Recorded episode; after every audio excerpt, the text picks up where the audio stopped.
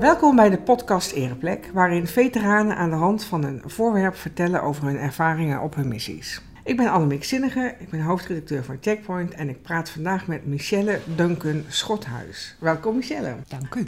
Michelle, je bent hier omdat je een hele bijzondere herinnering hebt aan een uh, bijzonder voorwerp. Een handgemaakt en een speciaal voor jou gemaakt uh, paardje. Dat je aan het einde van je missie in 2005 in Afghanistan hebt gehad. Ja, gekregen. Klopt. Eerst even over je, over je uitzending. Ja. Je, bent, uh, je hebt bij de marine gezeten van 2003 tot 2007? Ja, klopt. 2007 ben ik de dienst uitgegaan. Ja, en jij was uh, matroos bij de logistieke en geneeskundige dienst? Ja, klopt. Waarom uh, ging je naar Afghanistan en wat deed je daar? Wat voor missie was het? Uh, het was in 2005. Het was eigenlijk ter ondersteuning van de verkiezingen daar. Om, nou ja, dat er eigenlijk voor gezorgd werd dat de verkiezingen rustig zouden verlopen. En ik werd drie weken voordat ze op uitzending ging gebeld door de kapitein van het FDS...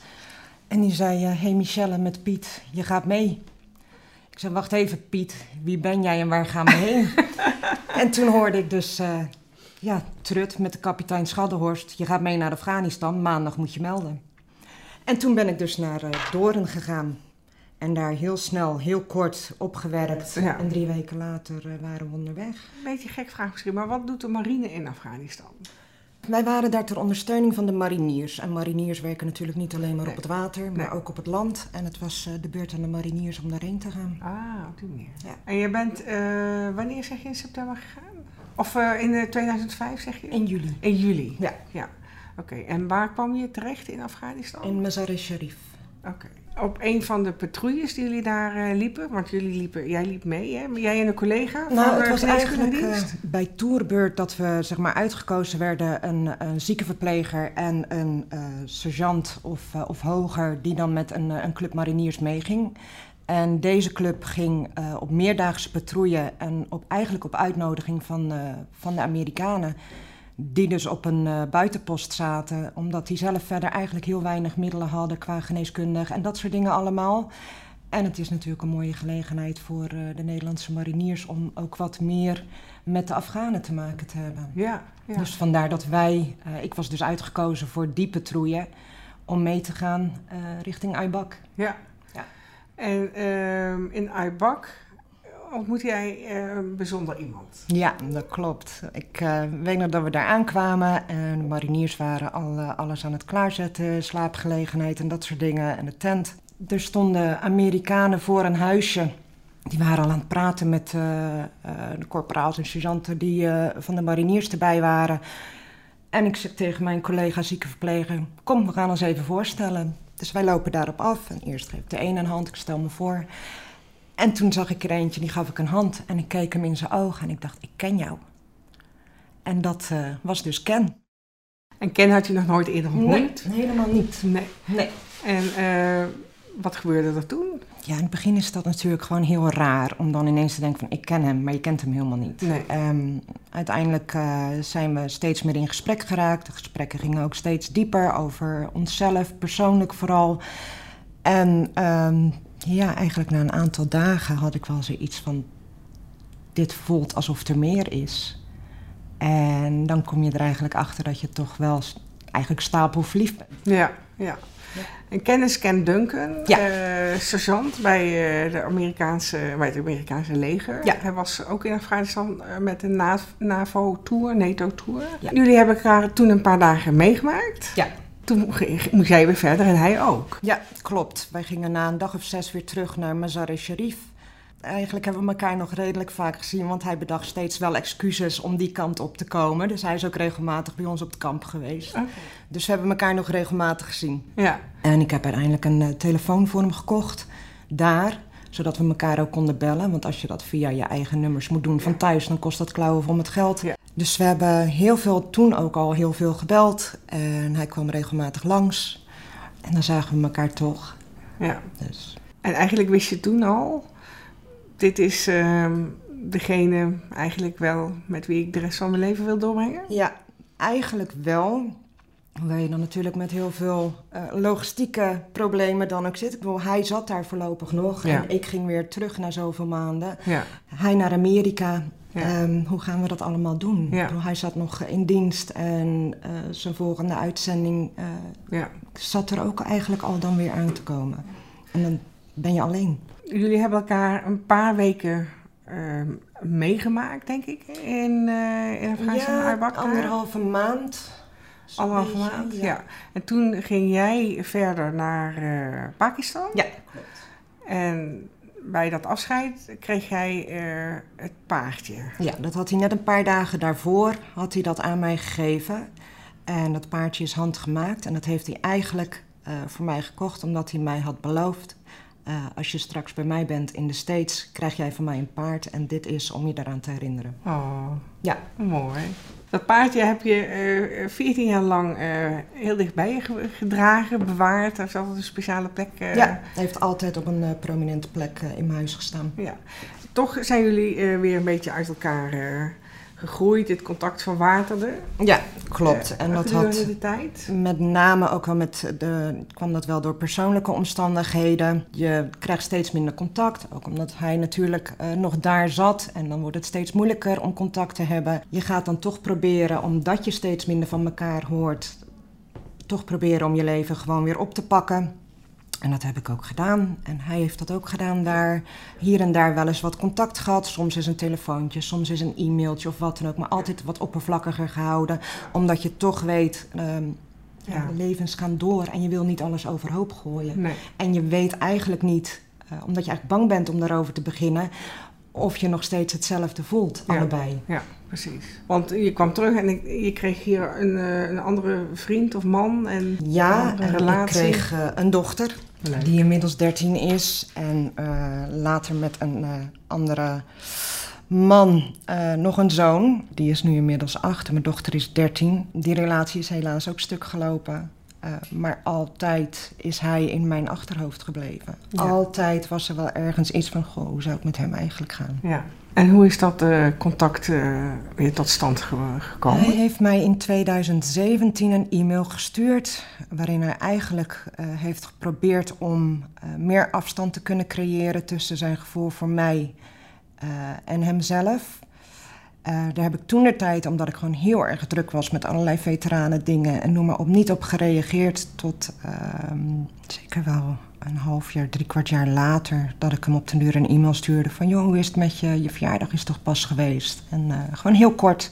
En toen kreeg ik van hem terug, hey, je leeft nog en Ja. ik heb je niet afgeschrokken. Hier is mijn telefoonnummer en eh, ja, bel maar een keer als je er zin in hebt. Ja. Nou, dat heb ik diezelfde dag nog gedaan en vanaf die tijd eh, hebben we heel veel aan de telefoon gezeten. ja. En dit was in 2018? Ja, oktober 2018. Maar hij belde je omdat hij eigenlijk het wilde afsluiten. Hij wilde, Ja. denk ik, nog verder. En, Ja, dat was het jaar daarvoor. Nou ja, 2018, oktober had ik hem dan dat e-mailtje gestuurd. En vanaf die tijd hebben we toch weer contact.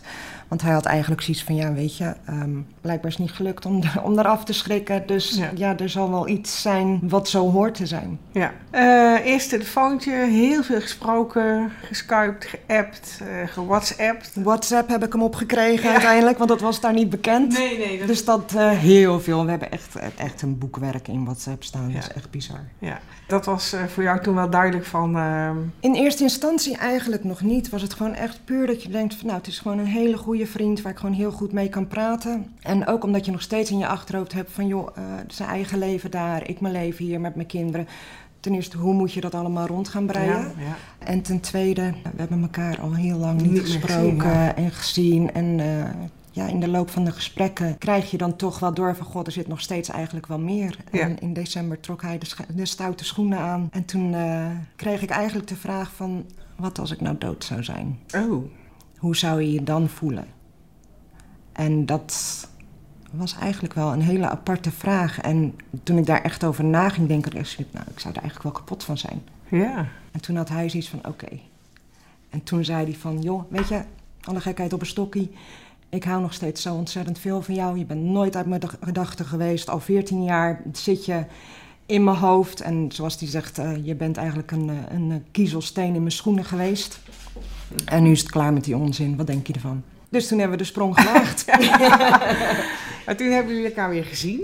ja, in april voor het eerst. Ja. Ja. En Hij- hoe was dat? Hoe ging dat? Want jij vloog toen naar de States, naar... Ja, eh, Atlanta, Georgia. ja. Eh, Ehm. op het vliegveld, daar was, daar was Ken. Ja. En dat was het eerste moment dat jullie elkaar weer zagen. Het eerste moment was, ik kwam aanlopen en ik loop altijd, ik loop op een bepaalde manier altijd heel snel. En ik zag hem niet direct en hij stond daar en ik liep daar en ik hoorde ineens, hey, oh, daar is die. En het was eigenlijk gelijk, ik was niet zenuwachtig, het was niet raar. Voor mij was het gelijk van, het is goed. Oké. Zo hoort het te zijn. Het was dan wel de- dezelfde man als jij in gedachten had? Ja. dezelfde man die je 14 jaar eerder Ja, leren zeker kennen? weten. Ik bedoel, we hadden natuurlijk al heel veel tijd aan de telefoon doorgebracht. Dus ehm, dan ken je al wel aardig wat van mekaars karakter en persoonlijkheid. Maar voor mij is die nog steeds dezelfde. Ja, Met wat meer ervaring eh, op, eh, op eh, het gebied van leven. ja. En jij ging daar naartoe met, met wat voor verwachtingen, wat voor gevoel? Ik had helemaal geen verwachtingen. Hm. Echt absoluut niet. Dan kan je ook geen teleurstelling eh, dat verwachten. Dat- Ja, gewoon er naartoe gaan eh, van oké, we gaan kijken. ja, Dat was het eigenlijk. ja. Ja. En dat voelde gelijk goed. We hebben ontzettend veel plezier gehad. Ook hele goede gesprekken gehad. Hele diepgaande gesprekken. En ja, gewoon bij elkaar geweest. Heb je zijn familie en vrienden daar eh, gezien? En, Nee, eh, toen niet. Oké, Toen niet. In september ben ik daar terug geweest. En toen heb ik vrienden van hem ontmoet en, en wat familie. Oké, dat was je in april. Dan ben je een paar weken geweest. Eén Eh, week. Eén week? Ja. Oh, ook kort. Ja, kinderen moesten naar school. Uiteraard, ja. En, en toen jij weer wegging die, eh, die week, eh, aan het einde van die week, wat, wat hebben jullie toen tegen elkaar gezegd? Nou ja, we hadden, ik heb van hem toen de verlovingsring gekregen, die hij zelf had laten maken, helemaal ontworpen. Toen hadden we eigenlijk al afgesproken dat hij in juli naar Nederland zou komen voor een paar weken. Maar nog niet gehad over wanneer gaan we trouwen of wat dan ook. Eh, het gaat hoe dan ook gebeuren, maar wanneer zien we wel, is hij dan de dienst uit of Ja. nog niet? Ja. Geen idee. Want hij had je wel al gevraagd, die pop the question eh, in ja, eh, april. dat was eigenlijk de eerste avond al. Oh, ja. Hij had zoiets van, ja, waarom zou ik wachten tot het juiste moment? Dit is gewoon perfect. En in juli is hij naar Nederland gekomen. En toen zijn we langzaamaan eens een beetje gaan kijken van, ja, wanneer dan trouwen? Het is ook misschien wel voordelig om al te trouwen voordat hij de dienst uitgaat. Omdat je dan weer allerlei zaken geregeld hebt die Ja. voor als hij uit de Ja. dienst gaat, eh, die voor mij dan weer eh, beter zijn, zeg maar. Ja, ja. Dus toen zijn we daarover eh, gaan praten. Hoe, wat, waar en wanneer. En de eerstvolgende mogelijkheid was eind september. Wat vonden je kinderen ervan? Die heb ik al heel snel op de hoogte gesteld van dat ik contact met hem had. Eh, mijn dochter die wist sowieso al wel wat van hem. Ja, En die hebben ook al regelmatig met hem aan de telefoon gezeten en eh, noem maar op. En die zijn eigenlijk, eh, ja, die stonden er heel erg open voor. Hoewel mijn jongste, mijn zoon, die eh, kan heel slecht met veranderingen omgaan. Dus die moet je echt er goed op voorbereiden. En dat is eigenlijk heel goed gegaan. Die leert hem nu Nederlandse woordjes. goed. Ja, wat goed. Leuk. Ja, En je ouders en je omgeving verder? ja dat is natuurlijk. ehm, ik denk zeker voor mijn ouders is het in het begin echt wel lastig geweest. Want ze kenden hem natuurlijk niet. Gewoon helemaal niet. Alleen maar van de verhalen die, eh, die ik ze verteld heb. Ja. En dan, ja, dan gaat je dochter naar Amerika, Ja. naar een vreemd iemand toe. Je weet niet wat er gaat gebeuren. En ze kan wel zeggen van het zit goed, maar laat dat eerst maar eens zien. Ja. Ja. dat heeft hij in juli ook wel gedaan. Leuk. Ja, In juli kwam hij eh, naar Nederland. Ken. Ja. Hij heeft eh, kennis gemaakt met jouw kinderen, je ouders, je familie en je vrienden. ja. Toen is de datum eh, gepland. Ja, nadat hij terug was eigenlijk al. Sowieso was het heel lastig weer om afscheid te nemen. En dat hebben we iedere keer gehad eigenlijk. Omdat het ons toch weer deed denken aan toen. Ja, Toen we dat afscheid moesten nemen, 14 jaar terug. ja. Toen zijn we langzaam gaan kijken van ja, wanneer moeten we dan gaan trouwen. Eh, Toen kwam het weekend in september op en hij heeft alles gepland en geregeld voor ons huwelijk. Echt alles was perfect. Wauw. Ja, heel klein gehouden. Ja, maar je, enkel van zijn, enkele van zijn beste dienstmaten eigenlijk. Ja. En zijn dochter was erbij, want hij heeft een dochter van eh, 26. ja. En ja, het was fantastisch. Ik had het niet anders gewild. En van jouw eh, kant waren je kinderen en je ouders erbij? Nee, die waren er niet bij. Die hebben via Skype meegekeken. Oh, wat leuk. Ja, Ja. leuk. Ik ben ook echt maar heel kort daar geweest. Ik ben op donderdag was ik daar en op woensdag was ik alweer terug. Oh, jeetje. Ja. Omdat we, ja, weet je, ik wil mijn kinderen ook niet continu ergens anders onderbrengen. Nee, precies. Dus zo kort mogelijk gehouden. Ja. En nu is hij hier. Ja. Voorlopig, hè? is de bedoeling? Of- Hij heeft de verblijfsvergunning. eh, die is, eh, was binnen een maand al geregeld. Dus daar was ik heel blij mee. We zitten nu alleen nog te wachten totdat zijn kaart klaar is. Dan kunnen we die ophalen. Dus in elk geval voor vijf jaar. Ja, Dan willen we hem verlengen. Want eh, het is uiteindelijk wel de bedoeling om naar Amerika te gaan. ja, Maar pas als mijn kinderen voldoende zelfstandig zijn. Ja. Dat ze ook echt wel op eigen benen kunnen staan. ja. Tenzij ze mee willen. Maar ik ga ze niet dwingen. Nee, nee, nee, dat snap ik. Ja. Michelle, jij eh, zei eerder dat je eh, heel druk bent nog met eh, allerlei veteranenzaken. Kun je vertellen wat je daar precies aan, voor doet? Ja, we, samen met een vriendin van mij, Debbie, hebben wij enkele jaren geleden een, een veteranencafé opgezet. Op het moment is dat eventjes wat rustiger, maar dat heeft ook weer met privéomstandigheden te maken. Maar elke eerste dinsdag van de maand, s ochtends, zaten wij bij een, eh, een koffiehuis. En daar konden veteranen dan naartoe komen, gewoon geheel vrijwillig. Ja, En, dat is in eh, Barendrecht. Ja, in Ja. Barendrecht. Ja. Ja. En dan met het veteranencomité waar ik eh, voorzitter van ben, organiseren we elk jaar een veteranendag in Barendrecht. Ja. Dat werd in eerste instantie alleen binnen in het gemeentehuis gedaan met een lunch of een diner dat aangeboden werd, een blauwe hap.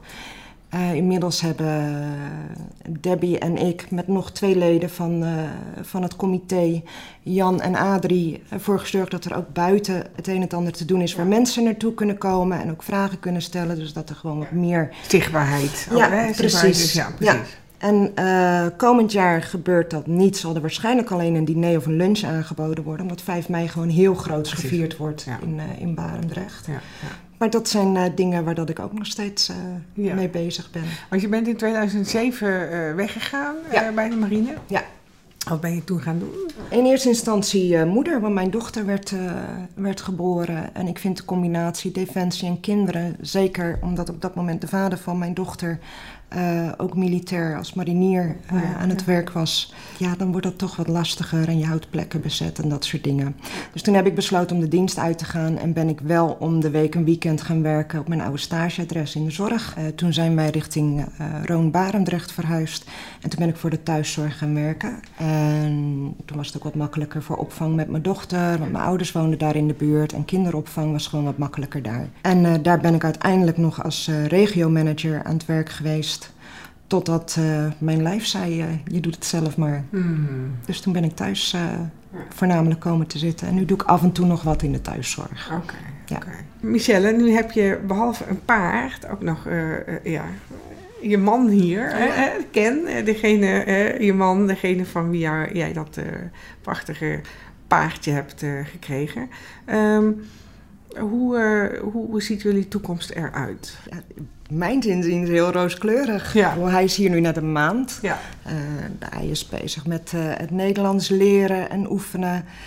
En we zijn gewoon van plan om eh, veel van de wereld te gaan zien, ook met kinderen. En eh, uiteindelijk dus naar Amerika te verhuizen. Ja. Paardje gaat natuurlijk mee. Ja. Maar dat souvenir heb ik inmiddels kunnen vervangen met een nog beter souvenir. Ja, absoluut. absoluut. Michelle, dankjewel voor dit gesprek. Voor dit hele mooie, romantische verhaal. echt, eh, het is echt eh, ja, mooi om te horen. Dankjewel. Graag gedaan. Je luisterde naar de podcast Ereplek, naar het verhaal van Michelle Duncan Schothuis. Kijk voor eerdere opnames van de podcast op www.veteraneninstituut.nl slash checkpoint. En heb jij zelf een mooi verhaal en eh, aan de hand van een mooi voorwerp om eh, te delen, dan eh, stuur graag een mailtje naar checkpoint.mpg.today. Wil je nog een gesprek horen met Michelle en haar, haar man Ken? Blijf dan luisteren. Ken, uh, welcome. Uh, we just heard uh, Michelle uh, tell your story about how you met together uh, in Afghanistan in 2005, and Michelle said that the minute, the moment she met you and uh, introduced herself to you, uh, she felt that she knew you, but you didn't uh, meet before. How did how did that feel for you? The moment that you Uh, Matt. The, the moment she introduced herself, I uh, first off, hello and thank you. Um, she kind of butted into a leader's brief, and just uh, I was uh, I was uh, giving some intel brief to the leadership of, of the Marines, uh, along with the Afghans, and she just kind of butted up in the middle and said, "I'm Michelle," and I was Okay. okay, nice to meet you. Um, we're talking, and she left, and uh, we'll talk later. So it's okay, sounds fine. Um, I didn't get that instant connection, but I did feel that it was. It's like I brought her. We brought her with us. It's like I. She was always there. It was like instantly. You know, there was no gray area. It was like I knew her. You know, after a, a conversation or two, it was it was quite ridiculous Yeah, yeah. to say the least. So now it's 14 years ago. The two of you got married. Yeah. You're in Holland now. Yeah. Uh, you're retired. You're a uh, sergeant at the Marines. You've been a sergeant. Army.